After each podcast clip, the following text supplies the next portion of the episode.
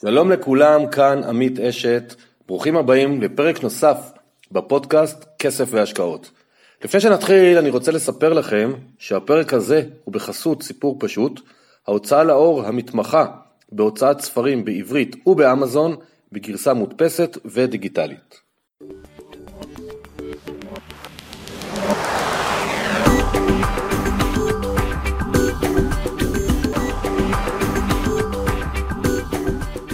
שלום לכולם, היום אנחנו בפרק מיוחד מבחינתי עם אריאל אברבוך.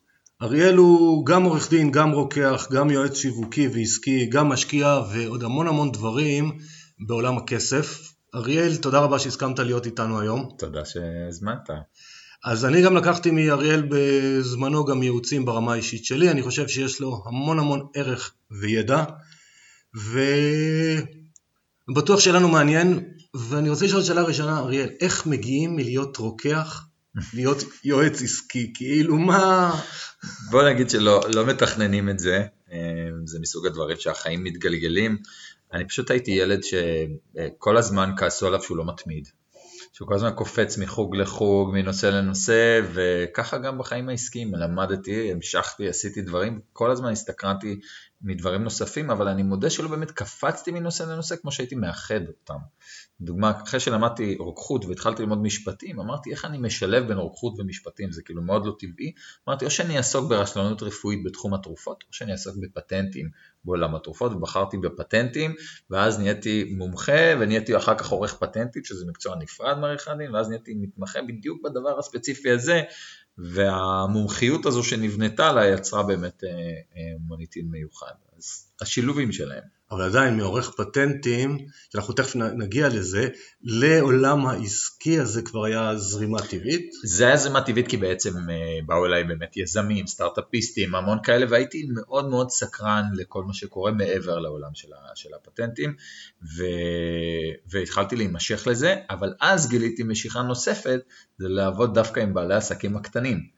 כי אצלהם התוצאות היו מאוד מהירות, כאילו אתה רואה מאוד שיפור מאוד משמעותי, והיום אלה עסקים שלפחות מי שנניח עוקב אחריי בפייסבוק לפעמים לא יודע בכלל שאני עורך פטנטים ושיש לי עסק שלם שהוא בתחום הפטנטים, ומי שבפטנטים לא יודע שיש לי עסק שלם אה, בתחום הזה, הם לכאורה הם לא חופפים, אבל האישיות שלי חופפת בשתיהם.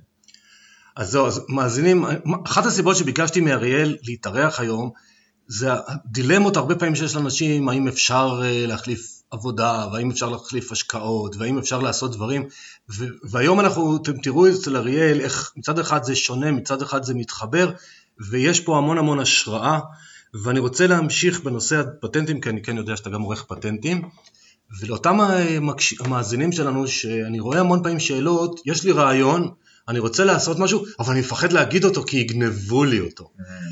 איך אתה מייעץ אה, ככה לאנשים שהם חייבים להתייעץ כי אין להם מושג, אה, יש לי רעיון לאפליקציה. וואו, אני לא יודע אבל מה לעשות, אם אני אגלה יגנבו לי אותו. מה אתה יכול להגיד לאנשים? אני יכול להגיד, אה, תראה, זה לא, ש, זה לא שהדברים האלה לא קורים, יש אנשים שבהחלט יכולים לגנוב רעיון, אבל בפועל, אני אגיד את, ה, את האמת הבוטה, אם, אם אפשר. בוודאי, זו המטרה לתת את האמת. האמת הבוטה שרעיון הוא בדרך כלל פחות מעשרה אחוזים מההצלחה של, ה, של העסק. אוקיי? מה שמוביל את ה-90 אחוזי הצלחה זה מי הבן אדם, מה הניסיון שלו, מה היכולות שלו, מה המימון שלו. הרעיון עצמו, אני הרי כל היום נתקל ברעיונות מדהימים, באמת, אנשים מבריקים, אבל היכולת להוציא את הרעיונות האלה לפועל היא הרבה פעמים מאוד מועטה. וזה לא הפחד שמישהו ייקח את הרעיון, כמו שגם אם אף אחד לא ייקח את הרעיון, הסיכוי שהבן אדם יצליח להפוך את זה למציאות הוא בדרך כלל מאוד נמוך. כשבן אדם מתחיל לשמוע על עלויות של רישום פטנטים, או עלויות של פיתוח מקצועי של אפליקציה, לא איזה משהו קיקיוני, אז הוא מבין שזה הרבה פעמים מעבר ליכולות שלו, ואז הוא נרתע והוא בדרך כלל מתייאש. אמ, אז אני לא באמת מלחיץ אנשים מהמקום הזה של אל תגלו, כי זה לעורכי פטנטים ולעורכי דין יש חיסיון, אז מגלים בכל מקרה, הכל בסדר. לא, לכם כן, אבל כדי לדעת אם יש לזה התכנות, והוא צריך אה, לגייס כסף, והוא צריך להתחיל לדבר עם אנשים. אני, אני כמדיניות פרנויה היא לא, היא לא המדיניות שאני אה, דוגל בה בשביל זה. כי בשביל להתקדם אתה תצטרך עזרה של אחרים, אתה תצטרך לעשות מחקר שוק, אם כל הזמן תשב עם הרעיון שלך ואף אחד לא ייקח אותו, הוא גם לא יהפוך למציאות. יופי, זה בדיוק ניסיתי בעדינות להוציא ממך, כי אני גם, אה, כמו שלימדו אותי שהייתי מנהל צעיר, עדיף אחוז ממיליארד ממאה אחוז של אפס. לגמרי. ופשוט ליזום, כמו שאנחנו מדברים על השקעות, על כסף, אז מה שאריאל אומר לנו פה בפטנטים, בסדר, יכול להיות שפעם ב- יגנבו לכם, אבל זה לא, לא לפחד. ו, ולפני שאנחנו עוברים לעולם העסקים, שיש הרבה שרוצים היום לפתוח עסקים, ועוסק פטור, ועוסק מורשה, ושכיר, אני רוצה רגע לעצור בנושא ההשקעות. אתה הרי רואה מלא, מלא עסקים, והשקעות בגדול אני מחלק את זה לשלושה סוגים, יש השקעות בשוק ההון, בניירות תקרא לזה, ניירות כאלה ואחרים, יש השקעות בנדל"ן ויש השקעות בעסקים, ממתחילים עד גדולים. יש לך איזשהו מסר שאתה מהניסיונך, כי אתה רואה מאות ואלפים של אנשים, עסקים, אתה ראית בשנים האחרונות. אני חושב שהמסר הכי גדול שלי, שאולי יפתיע חלק גדול מהאנשים, זה שלא צריך לחכות שיהיה לך הרבה כסף בשביל להתחיל להשקיע. ואני חושב שרוב בעלי העסקים חושבים שאם הם רק יצמיחו את העסק ויגיעו לרווחים כלכליים ואז יהיה להם כסף בצד, אז זה הרגע להתחיל להתעניין בכלל בעולם הזה, ועד אז בכלל לא להתעסק עם זה. ואני אה, מודה שגם אני הייתי כזה, אבל הצטערתי כשהתחלתי להתעניין שלא התחלתי קודם, שלא קיבלתי החלטות יותר מושכלות, שלא הייתי מודע בכלל לאפשרויות שיש, וגם היום זה לא שאני, אחי, אני כל הזמן לומד, אבל אני עדיין בתפיסה שלא צריך לחכות לאיזה שהם אה, אה, כספים, סכומים גדולים שוכבים בצד בשביל להתחיל להגיד אוקיי אז מה אני צריך לעשות עם הכסף, האם להשקיע בנדל"ן, האם להשקיע בשוק ההון, האם זה, לא, גם כשאתה בתחילת הדרך אתה חייב להכיר מה קיים, אתה יודע גם שכיר אפילו, לא צריך להיות בעל עסק, גם שכיר שמופרש לו כסף לקרן השתלמות, איזו קרן השתלמות בחרו לך או שאתה בחרת, איזה, אפילו השאלה הבסיסית הזו, זו שאלה שהתוצאות שלה הן משמעותיות מאוד בסופו של יום. אה, ואני חושב שרוב האנשים חושבים שההשקעות זה משהו שהוא מיועד לאיזשהו level באוכלוסייה, איזשהו level של הכנסה, ואני חושב שזה משהו נורא בסיסי שבן אדם צריך להכיר במסגרת ההתנהלות הפיננסית הבסיסית ביותר שלו. כמו שבעל עסק צריך לדעת להיכנס לחשבון הבנק שלו ולדעת להבין מה קורה שם, אני חושב שבעל עסק צריך לדעת לקרוא את הדוחות הכספיים של העסק שלו, בעל עסק גם צריך להבין בהשקעות, לא כמו אולי מומחה, אבל בהחלט לדעת את ההבדלים בין המונחים והמסר שלי הוא קודם כל, אם עד עכשיו אמ, זה משהו שחשבתם עליו ואתם מחכים ליום אחד, פשוט לא, פשוט להתחיל. אני איך התחלתי לדוגמה, פשוט שמתי לעצמי בלוז זמן קבוע שאני לומד את התחום. ממש, זה פשוט התחיל ביומן, זה התחיל בחצי שעה פעם בשבוע, וזה עבר לחצי שעה כל יום, זה עבר לשעה ביום שאני לומד, וכל פעם לקחתי תחום אחר, ופעם נלמד את שוק ההון, ופעם נלמד מה זה נדל"ן, ופעם מה זה נדל"ן בארצות הברית, ואז אתה נכנס יותר ויותר כוח, אתה מבין שזה עולם אינסופי, אבל אתה גם יותר מתחזק בביטחון שלך, שאתה לא צריך לחכות ליום אחד בשביל להתחיל אה, להשקיע כספים. אני בהחלט מתחבר לזה, כי אני חותם בדרך כלל את ה... או הרצאות שלי או דיבורים, שזה כסף מייצר כסף בכל סכום.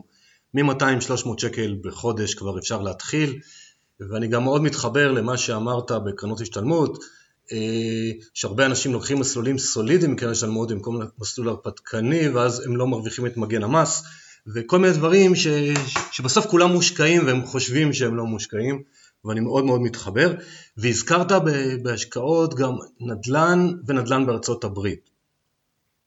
אם נתעלם רגע מהסכומים שבארץ כיום זה דורש יותר, אה, מניסיונך יש איזושהי עדיפות אה, לנדל"ן על שוק ההון? לא משנה נדל"ן בארץ או בחו"ל או שוק ההון. תראה, אני מודה שהניסיון שלי אה, בכל התחומים, הניסיון הגדול ביותר שלי הוא יותר בשנים האחרונות בנדל"ן בארצות הברית, וזה גם לא הניסיון האישי שלי בתור משקיע שהולך ורוכש את הנכסים, כמו בשותפות עם חברנו המשותף יריב פז.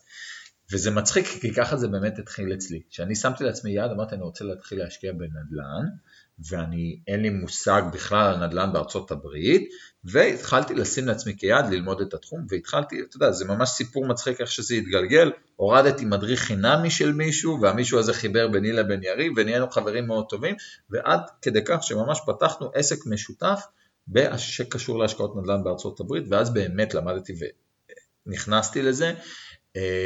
ואתה יודע מה מדהים? אני חושב שזה נכון לכל תחום. כל דבר נראה לנו נורא מאיים ומפחיד מרחוק עד שאתה ממש נכנס. ולכן ככל שנכנסתי יותר לנדל"ן בארצות הברית וזה היה נראה לי יותר ויותר מעניין, ככה חשבתי ועדיין חושב שהוא עדיף על פני תחומים אחרים. אבל אני מניח שאם אתה תשאל מישהו שהוא כל כולו בשוק ההון, הוא יענה לך את זה. לא, אבל ענית לי בדיוק מה שאני רוצה שהמאזינים שלנו ישמעו, כי תראו, אריאל לא הבין משהו בתחום, נראה לו מעניין, והוא בחר ללכת עם מישהו. אה, אנחנו במקרה יריב פז מכירים, אבל יכול להיות גם אנשים אחרים, וזה לא משנה שוק ההון. אתם לא חייבים להבין לעומק, אתם צריכים להבין את העקרונות, ושמישהו אחר יכול לעשות את העבודה עבורכם, כשאתם מבינים מה, מה הרעיון, מה אתם עושים. אני לא מאמין בלשים כסף ויהיה בסדר, לסמוך על מישהו בלי להבין מה הכיוון, אבל ברגע שאתם מבינים, כמו שיריב אומר, מצא חן בעיניי והעמקתי והעמקתי והעמקתי והיום אריאל מרוצה בקטע הזה וזה נהדר. אה, אני רוצה להמשיך הלאה, ככה, כי זמננו קצר, יש כל כך הרבה דברים, אנחנו יכולים לכל נושא לדבר שעתיים. אה, אני רוצה לעבור לעולם שאתה היום מאוד מאוד פעיל בו, אריאל יש לו עסק שעוזר לעסקים, הוא הקים מרכז שנקרא אה, שיווק אכפתי כי הוא רוצה להביא בשורה אחרת לאנשי השיו... לבעלי העסקים וללקוחות, כמו שבפודקאסט הזה אני מנסה להביא כיוון קצת אחר בעולם הכסף וההשקעות. אה, אז אני רוצה לשאול אותך שאלה מניסיונך. רב, המון המון אנשים אומרים אני רוצה לפתוח עסק כי אני רוצה להיות הבוס של עצמי. האם זה כל כך זוהר כמו שזה נשמע המשפט הזה? אני מניח שהרבה אנשים גם אה, רוצים להתחתן כי הם בטוחים שהאהבה תפרח עד סוף אה, חייהם, ואז מגלים שזה יכול לקרות, אבל זה גם בא עם מורכבויות מסוימות שצריך ללמוד, וזה לא אה, תמיד הכל ורוד כמו באירוסין.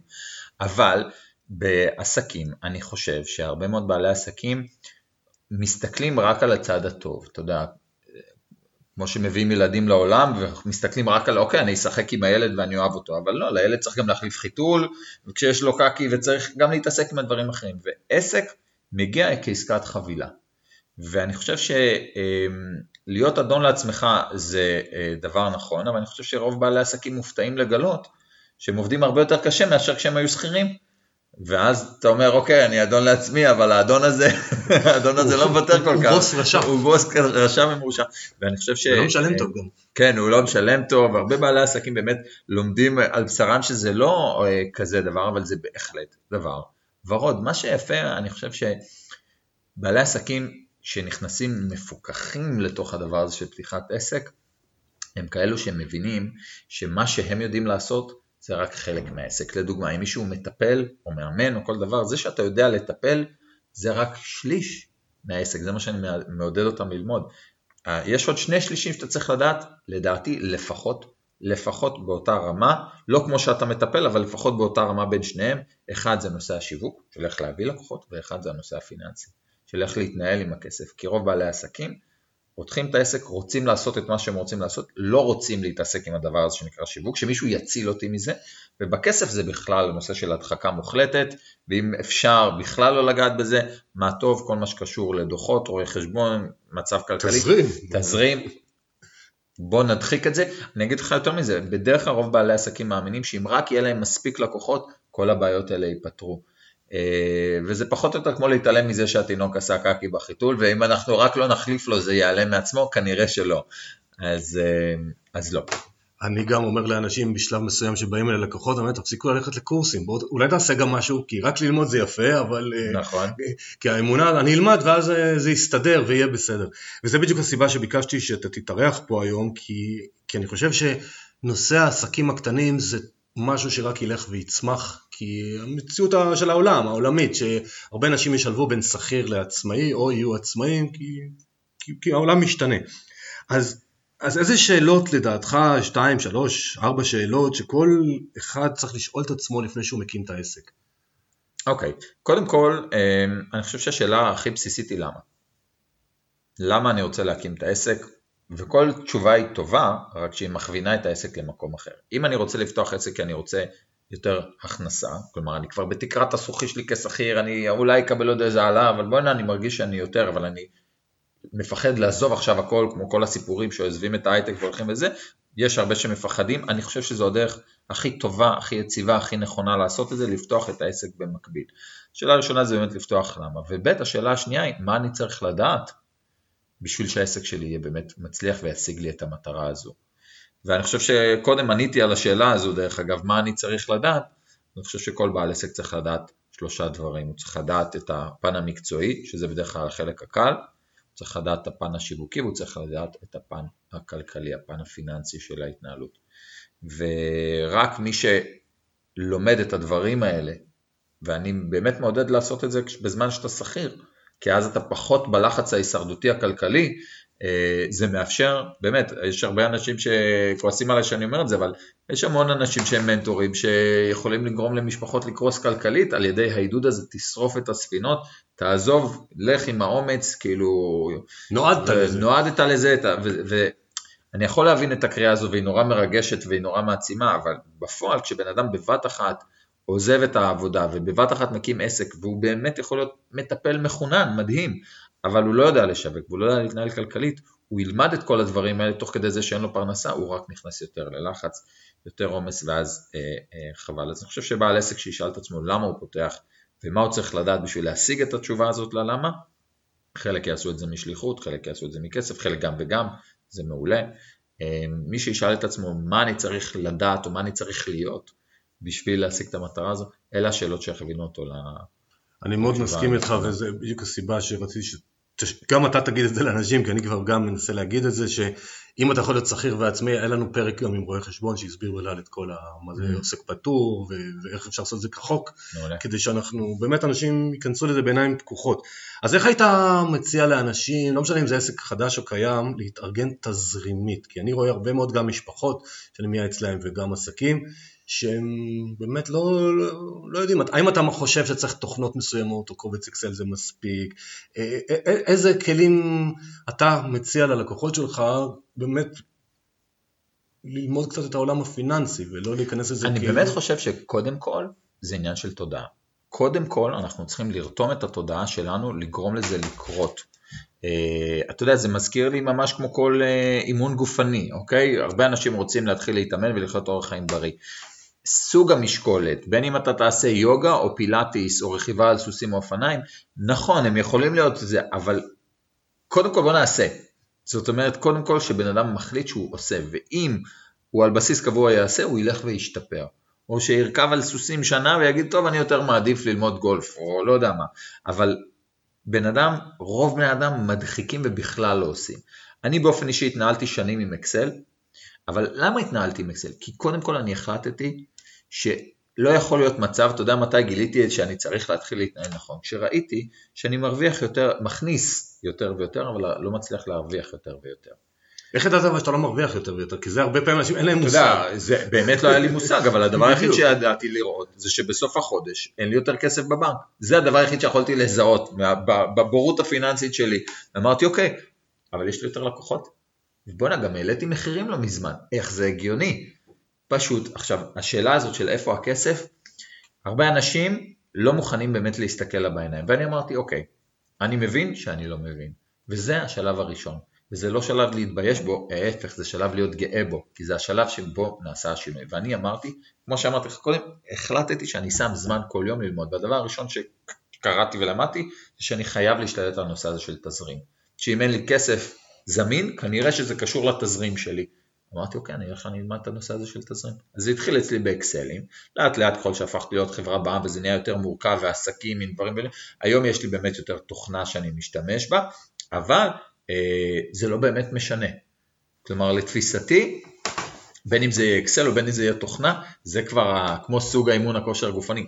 מי שמתאמן קבוע יראה את התוצאות.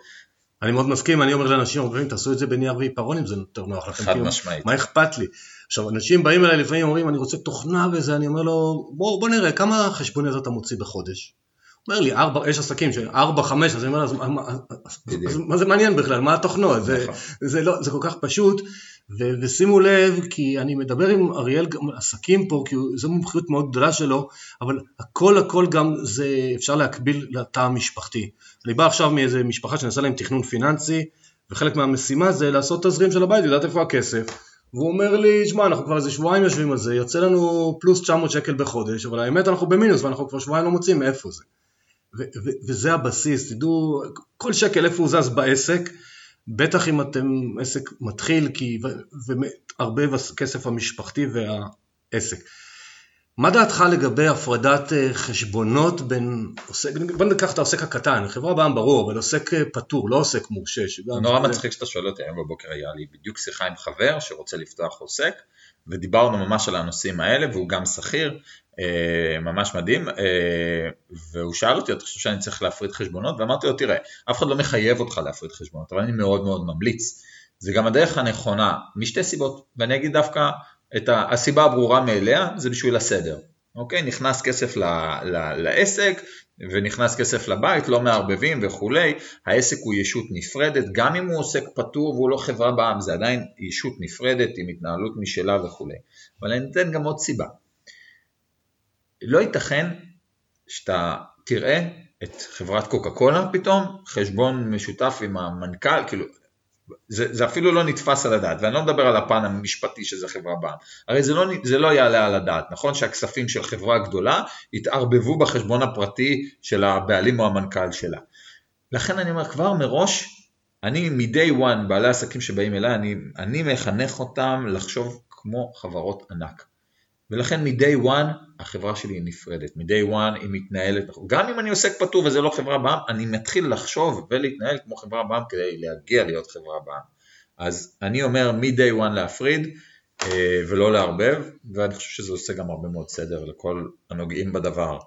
אז אני, יכול, אני מחייך כי כשאני הקמתי את העסק שלי, שהפכתי להיות משכיר לעצמאי לפני איזה עשר שנים, אה, העסק נקרא To Success, והדבר הראשון שעשיתי כמעט, הלכתי, קניתי שתי מדבקות לאוטו, שמתי עם כל צד to success עם הלוגו שלי, וכל פעם שאני מתקרב לאוטו, עכשיו החלפתי אוטו, אין לי אוטו חדש, אני הייתי מבסוט, כאילו אני אומר, אני ואינטל אותו דבר, במקרה הם יותר גדולים קצת, אבל, אבל זה גוף, וזה באמת עושה, ואני לא אשכח את אשתי, היא אמרה לי, טוב, תעשה עוד שתיים, נשים על האוטו שלי גם, אמרתי לו, מה פתאום, יש לך אוטו ישן, אני לא, אצלנו זה לא נכנס לאוטו לא, חבוט. זה סטנדרטים לחברה, מה אתה חושב?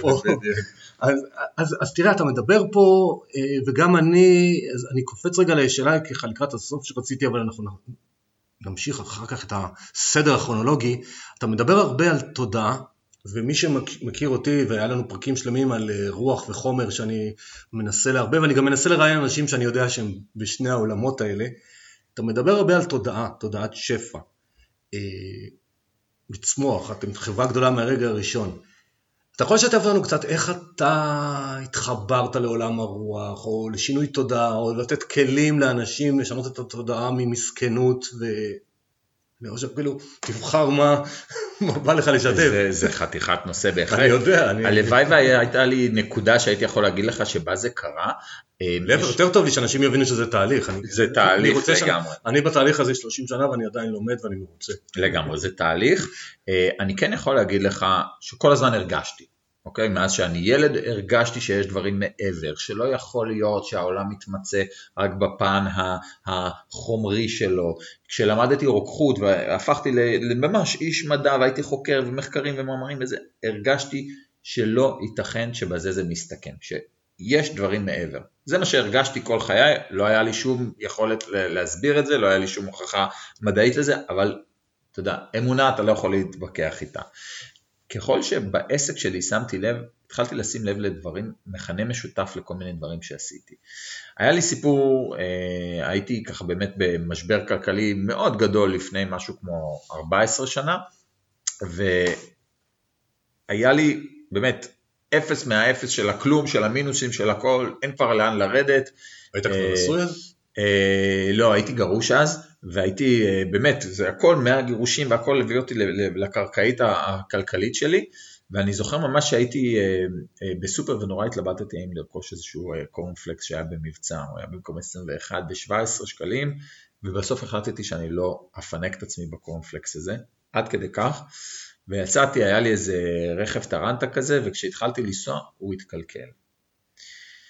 ואיכשהו גירדתי מהמשפחה שגררו את הרכב למוסך, גירדתי את הסכום והמוסך מתקשר ואומר לי זה 2,500 שקל לתקן את האוטו, שזה בשבילי אתה יודע בוא תביא לי יאללה בסדר 40 מיליון דולר, מה, כמה אתה רוצה, זה אותו דבר מבחינתי היה אז.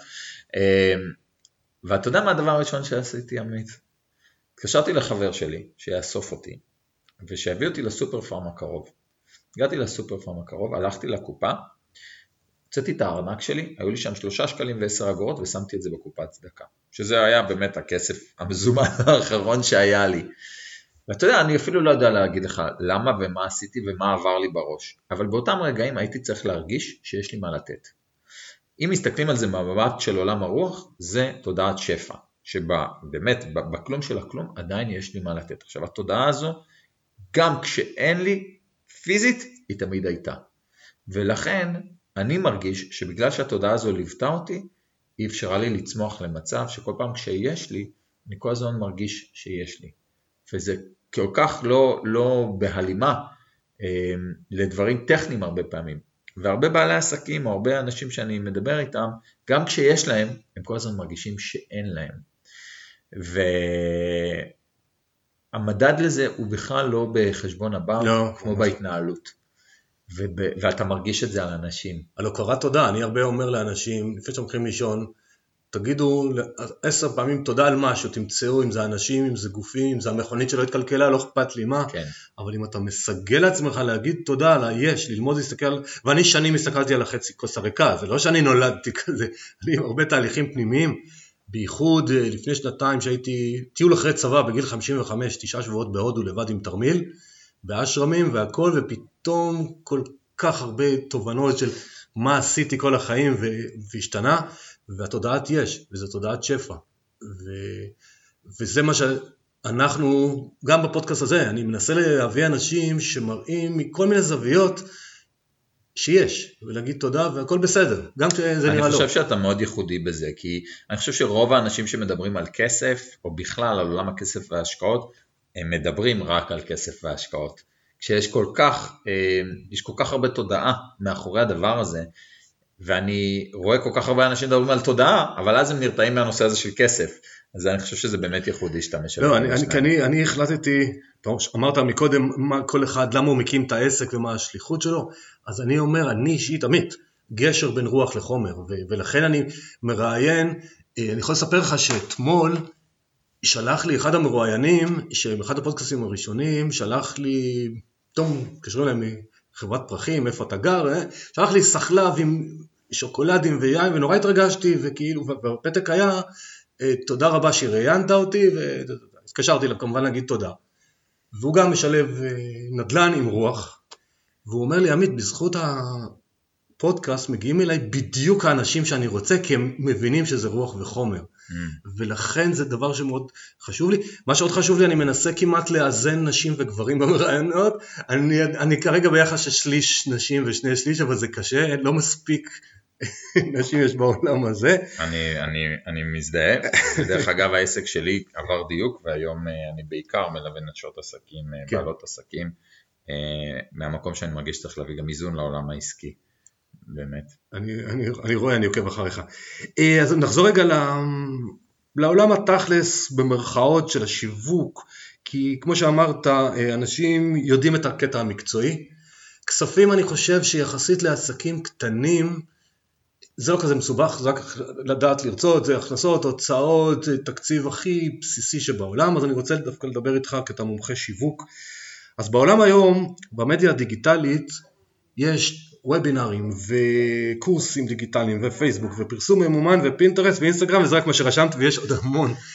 אה, איך יודעים מה נכון? אה, אה, איך עסק יכול לבחור את התמהיל כי עסק קטן הוא לא יכול לעשות הכל? אני חושב שעסקים הרבה פעמים מגיעים לליווי עסקי ממקום של משבר. אני חושב שזה אנחנו רגילים לזה אולי מעולם הרפואה, אוקיי? שאין לי מה ללכת לרופא אם אני בריא, כן? אבל ליווי עסקי נכון הוא דווקא לא במשבר. ליווי עסקי זה ליווי עסקי לצמיחה, ולכן ליווי עסקי טוב זה ליווי עסקי שיוצר אצל בעלי העסקים תוכנית שהיא אינדיבידואלית להם להגיע לנקודה שאליה הם שואפים להגיע ואפילו להמשיך אותה מעבר. ולכן בעלי עסקים שלא הם, לא שוקלים אפילו לקחת ליווי עסקי הם הרבה פעמים כאלה שקופצים מקורס לקורס וברוב המקרים אני יכול להגיד לך בכנות, הם חושבים שזה מה שיציל אותם. כן. זאת אומרת שאם אני עכשיו אעשה קורס אינסטגרם ויהיה לי עכשיו עוד 5,000 לייקים באינסטגרם, אז הכל יסתדר. או אם עכשיו אני אדע איך ליצור וובינארים, אז הכל יסתדר. כי בדף הנחיתה הוא מבטיח. עכשיו אני אומר לך, בתור אחד שמוכר את כל הקורסים האלה, זה נכון כאשר זה חלק ממשהו גדול וכאשר זה מתאים אה, לבן אדם הספציפי. אה, כך שכל הדברים האלה הם הכלים שמשרתים אותנו, אבל אני חושב שמי שאין לו תוכנית, מי שלא יודע איך יוצרים לעצמו תוכנית, מי שלא יודע בכלל אה, לאן הוא הולך, והוא רק קופץ ממכירה למכירה ומנסה כל הזמן, אפשר להגיע לזה פשוט הדרך הארוכה והקשה יותר. אני בדרך כלל מעודד בעלי עסקים בשלב כמה שיותר מוקדם, או לפחות לא לחכות למשבר בשביל לקבל ליווי שיעזור להם אה, למצוא את הדברים הנכונים עבורם. זה ממש מזכיר לי שאמרת אה, לשלב את התוכנית פעולה העסקית, האסוציאציה שעלתה לי זה ממש מה שאני אומר בתוכנית אה, השקעות פיננסית לתא המשפחתי, ואם יש לכם 200 שקל פנויים זה משהו אחד, ומגיעים אליי בזמן האחרון המון זוגות צעירים אה, עם הילד הראשון, עוד לפני הילד הראשון, שנשאר להם פנוי 10,000-15,000 שקל לחודש, כי שניהם בהייטק, ואפשר לבנות תוכניות נהדרות איך למנף את זה, וזה ממש המקביל לעשות תכנות פיננסית או תוכנית... אני מאוד שמח עבורם שהם באים אליך. גם אני. אני לצערי, תקן אותי אם אני טועה, זה לא דבר נפוץ. היום שיותר פונים אלה שהם במשבר ומחפשים אה, שיצילו אותם בנושא כלכלת לא המשפחה? אני לא, אני לא עובד עם כלכלת לא אתה, אבל לא, באופן עקרוני. באופן עקרוני כן, אבל אני חושב שיש התעוררות, אני רואה קבוצות, יותר קבוצות פייסבוק, אבל זה קורה לבני ה-30 פלוס מינוס. ככה אני רואה המון, הם גם מסכימים שאני גר בצפון רחוק, אז אני לא מגיע הרבה למרכז, אז אני מציע לאנשים סקייפ, אז בני ה-30 פלוס מינוס כולם אומרים אין בעיה, ה-40 פלוס אומרים לא, אם אתה פעם תהיה במרכז, כן. אז אני חושב שיש פה שינוי, הדור הזה שלא מוכן לעבוד כמו חמור, כי כמו שהדור שאני חונכתי, עוד פעם, אני בן 57, אז אני כאילו יותר קרוב להורים שלך מגיל שלך, זה הדור שחינכו אותנו לעבוד קשה, ואני גם לא בחרתי לעשות את זה אחרת, אבל הדור היום יש, האינטרנט נותן את ההבנה שאפשר גם אחרת, אני חושב שפחות מדי אנשים מבינים בעולם העסקי ולכן היה לי חשוב גם שישמעו אותך שגם שם אפשר אחרת כי בעולם הפיננסי כבר יש המון קבוצות שמסבירים בעולם העסקי אני עדיין רואה את אותו ילד תעשו קורס ותהיו מיליונרים תוך שעתיים מהים ומי כמוני יודע שעשיתי כמה קורסים דיגיטליים אומנם לפני הרבה שנים שעוד לא היה מודעות היה קשה מאוד למכור אותם לשווק אותם אה, וצריך לדעת לעשות את זה. לגמרי. היא משתמשת במילה קשה של שרלטנות, אז היא מפריעה לי מאוד ולכן אני מנסה שאנשים ישמעו מבעל מקצוע כמוך אה, מה עושים, וזה מוביל את השאלה הבאה, אם אדם שומע אותנו ושואל את עצמו, רגע, אז מתאים לי להיות עצמאי או עדיף לי להיות שכיר? איזה תכונות בסיסיות נראה לך צריך אדם שהוא רוצה להיות יזם, ולא משנה אם זה במקביל למשרה השכירה או רק בזה. זו שאלה ממש ממש מעניינת. אמ, אני אוהב את זה שלא הכנת אותי מראש. לא, אני לא מכין אף אחד. כדרך אגב ראיינתי מתישהו את אשתי, היא הסכימה כי יש לנו עסק אינטרנטי מהבית, מפעילה דרך אפוורק אנשים מכל העולם, ואמרתי לה, אני לא מראה לך שאלות, כמו כולם, אז בסוף שאלתי אותה איך היה, אני אומרת לה, אני כל חיכיתי שתתקיל אותי, אבל היה בסדר, לא התקלת אותי, אז אני לא מראה לאף אחד. רציתי לשאול אותך שאלות על בעלך, אבל uh, בסוף uh, זה... כן, נתן לי מחמאות את זה. אני אגיד לך, אני חושב שאחד הדברים, אתה יודע, שמאפיינים בעלי עסקים זה סיבולת. אני חושב שזה הרי ההבדל הכי גדול, אני חושב, הבסיסי בין שכיר לעצמאי זה שהשכיר יש לו ודאות מסוימת. יש מצב שהמשכורת שלו לא מספיקה והוא בחרדה כלכלית וסיבות אחרות, אבל יש לו ודאות של מה הוא צריך לעשות כשהוא קם בבוקר כשהוא מגיע, ומה הולך לקרות בראשון לחודש כשהוא יקבל את השכר. העצמאי אין לו את הוודאות הזו, וזה טוב וזה רע. זה טוב כי זה מאפשר לו גמישות, הוא יכול ליצור את התוצאות, זה רע כי כשהוא לא מצליח הוא נכנס לסטרס. אמ, ואני חושב שמי שמצליח לאורך זמן זה רק מי שמסוגל לעמוד במסע הזה, להבין שעסק הוא לא שונה מילד, יש עליות, יש ירידות, יש הצלחות, יש כישלונות, כל הדברים האלה הם תהליכי למידה. מי שמחויב לזה, מי שנמצא פה בשביל מרתון, לא לספרינט, מי שנכנס מפוקח, אה, אני באמת מאמין שאם הוא יעשה את הצעדים הנכונים, אם הוא ימצא כמה שיותר מהר מישהו להתלוות אליו או להיצמד אליו, ושהוא לא יקפוץ מנושא לנושא, מקורס לקורס, ממנטור למנטור, אם לא יחפש שיצילו אותו, אלא באמת יהיה מחויב לזה, אני חושב שהוא יצליח. ומי שלא בנוי לזה, כמה שיותר מהר לחזור להיות שכיר ו- ולחסוך לעצמו את עוגמת הנפש. אני כן חושב שמי שפותח את זה כשכיר, כמו שדיברנו קודם, אני כן חושב שכדאי לפתוח במקביל. כלומר, אם לא עוזבים את העבודה כשכיר, אפשר להתחיל לזהות אם יש לך את הדברים האלה, את התכונות הנדרשות. אבל אני באמת, אתה יודע, גרי וי נניח אומר שיזמים או עצמאים, אפשר לזהות אותם מאוד מהר כי הם לא מסוגלים לעבוד אצל מישהו אחר. אני לא כל כך בטוח שזה נכון, אבל זה מה שהוא אומר, שזה אני, מאוד... לא, אני לא מסכים עם הגדרה הזאת. כן, זה מה שהוא אומר, אבל אני, אני באמת חושב שמי שעצמאי, אה, אה, כשהוא פותח את העסק, בין אם הוא עושה את זה במקביל כשכיר, או בין אם הוא ממש מתחיל מאפס, הוא יותר מסתכל על הצד האופטימי, על הצד של וואלה, אני הולך עכשיו גם לעבוד בשעות שאני רוצה, גם אני יכול להרוויח יותר, וזה עסק מצוין וכולי, והרבה פעמים יש איזושהי התפכחות מסוימת עם הזמן, אבל אני חושב שצריך להיות עם תכונות כאלה שאתה צריך לאהוב מאוד את מה שאתה עושה, כי אתה הולך לחוות רכבת הרים, אני לא נתקלתי עד עכשיו באף בעל עסק שלא חווה את רכבת ההרים הזו שנקראת עסק, אה, יש כאלה כמוני שאוהבים אותה, שמתמכרים אליה, אה, ויש כאלה שמאוד אה, נלחצים ונחרדים ממנה.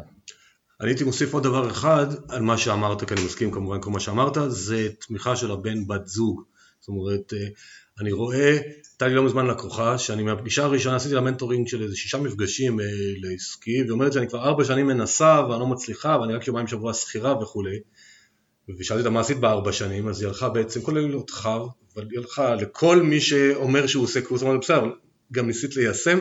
אומרת לי לא, אז אמרתי אז בשבילי, את היום מתחילה, את לא ארבע שנים, ואז ככה כשאתה יורד לדריל דאון אתה רואה שגם בבית כבר אומרים רגע, את ארבע שנים לא מביאה את המשכורת ויש משכנתה ומתחילים לחצים, אז אני חושב שתמיכת הבן בת זוג פה היא, היא קריטית. אני יכול להגיד לך שאחת הסיבות שהתחלתי לעבוד עם נשים זה שזיהיתי אה, כמה יש דיסוננס בנושא הזה של הזוגיות אצלהן, ושלצערי, גם כשהן מצליחות בעסק, הוא לא נגמר. כי נשים, ואני אומר את זה, אני משתדל לא לעשות הכללות, כן? אבל במקרה הזה אני מרשה לעצמי. הרבה מאוד נשים, כשהן רק פותחות את העסק, יש להן איזושהי ציפייה מסוימת, וכולם ככה עם אה, מרימים גבה, מזלזלים שהיא כנראה לא תצליח, וזה, וכשהיא באמת כבר מתחילה ומתקדמת ומצליחה, הקולות האלה ממשיכים, הם פשוט נשמעים אחרת. אז מתחילים להגיד לה, טוב, היא כנראה לא מספיק עם הילדים. אם היא כל הזמן בעסק שלה והיא מצליחה, היא כנראה לא רואה את הילדים. וכאילו אני רואה נשים שחוטפות את הכאפות האלה מכל הכיוונים, בין אם הן מצליחות, בין אם הן לא מצליחות, הן כל הזמן לא בסדר, הן כל הזמן צריכות להוכיח את עצמן. אני מנסה אה, לשחרר אותן מהדבר הזה כמיטב יכולתי, ולכן בהחלט אה, בן או בת הזוג הם משחקים תפקיד קריטי. זה קריטי מאוד. אה, בוא נתקדם לכיוון הנושא של כסף חזרה.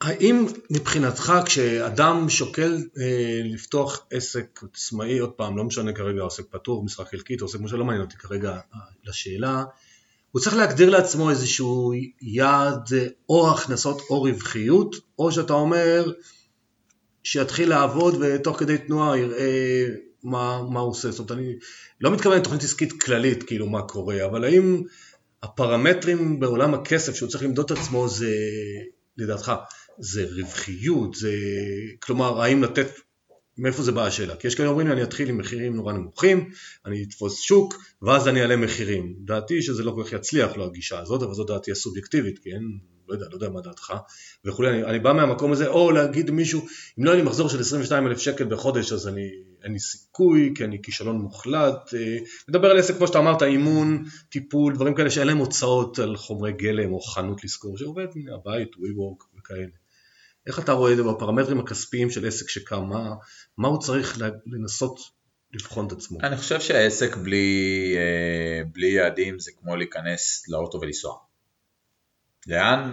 לא יודע, ואתה כנראה תגיע לאן שהוא מתישהו, אה, זה יכול להיות מעבר לקו הירוק או שזה יכול להיות אה, רמת הגולן, אבל אני חושב שכן, רק שאני חושב שרוב בעלי העסקים לא מבינים, בטח לא בתחילת הדרך, מה זה אומר, או איך לעשות את זה, איך בכלל להעריך את זה, בגלל זה גם אמרתי, אני באמת חושב שבעל עסק, אתה יודע, אני לא רואה בן אדם שבונה לעצמו את הבית לבד, אם הוא לא בעל מקצוע בתחום. אני לא. אני חושב שרוב בעלי, האנשים, שכשהם רוצים לבנות לעצמם בית, לבנות, הם ייקחו בעל מקצוע, קבלן, יתייעצו, אולי אפילו יעשו סקר שוק, אבל בסוף אף אחד לא יעז לקום ולבנות לעצמו בית לבד. ומה זה שונה? העסק אמור להיות אחד ממקורות הפרנסה העיקריים, אם לא העיקרי. איך יכול להיות שאתה נכנס אליו, אנשים חושבים מהם שלפתוח עסק זה, זה, זה כמו, כמו לפתוח ערוץ בטלוויזיה.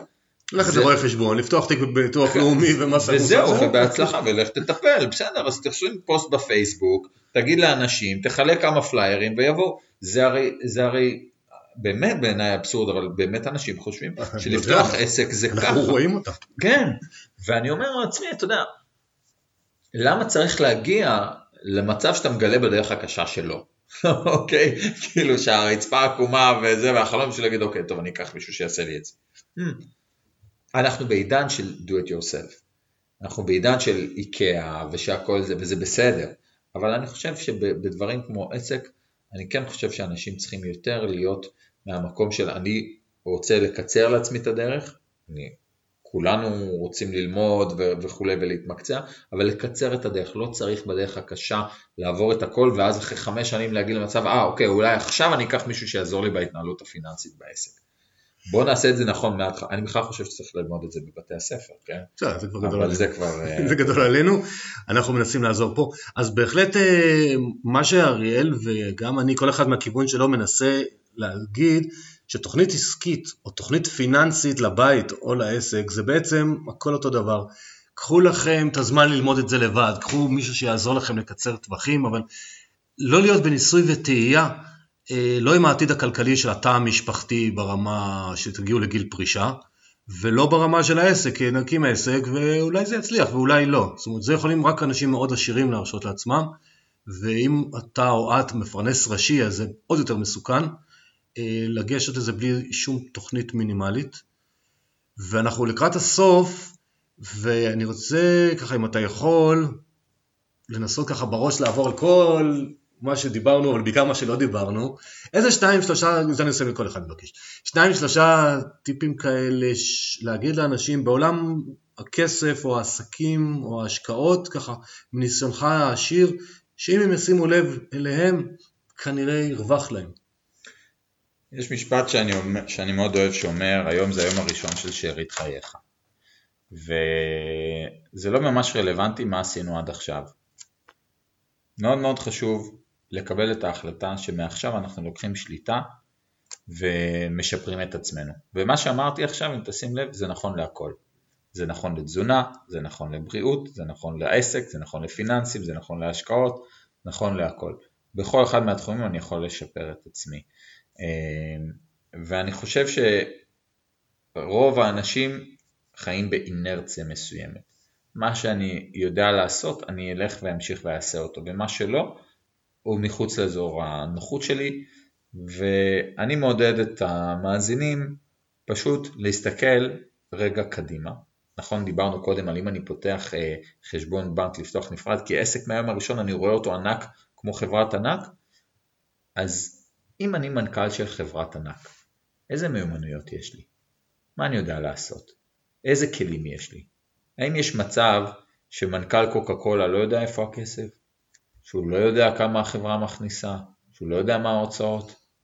האם יש מצב שהוא אומר, טוב זה לא אני, יש לנו רואה חשבון, לא, אני, תן לי לעזור לעצב את הבקבוקים?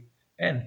והאם היית מוכן להיות בעל מניות בחברה שהמנכ"ל שלה לא יודע מה, מה המצב הפיננסי, שהוא לא יודע לקרוא את הדוחות שלה?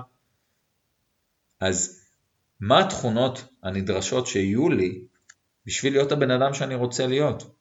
זה יכול להיות בשביל להיות הבן אדם הבריא שאני רוצה להיות, בשביל להיות הבן אדם החכם שאני רוצה להיות, מה אני רוצה ללמוד, מה אני רוצה לדעת, מה אני רוצה שיהיה לי בזוגיות, אבל כן, מה אני רוצה שיהיה לי בכסף, ומה אני צריך לדעת בשביל להגיע לשם.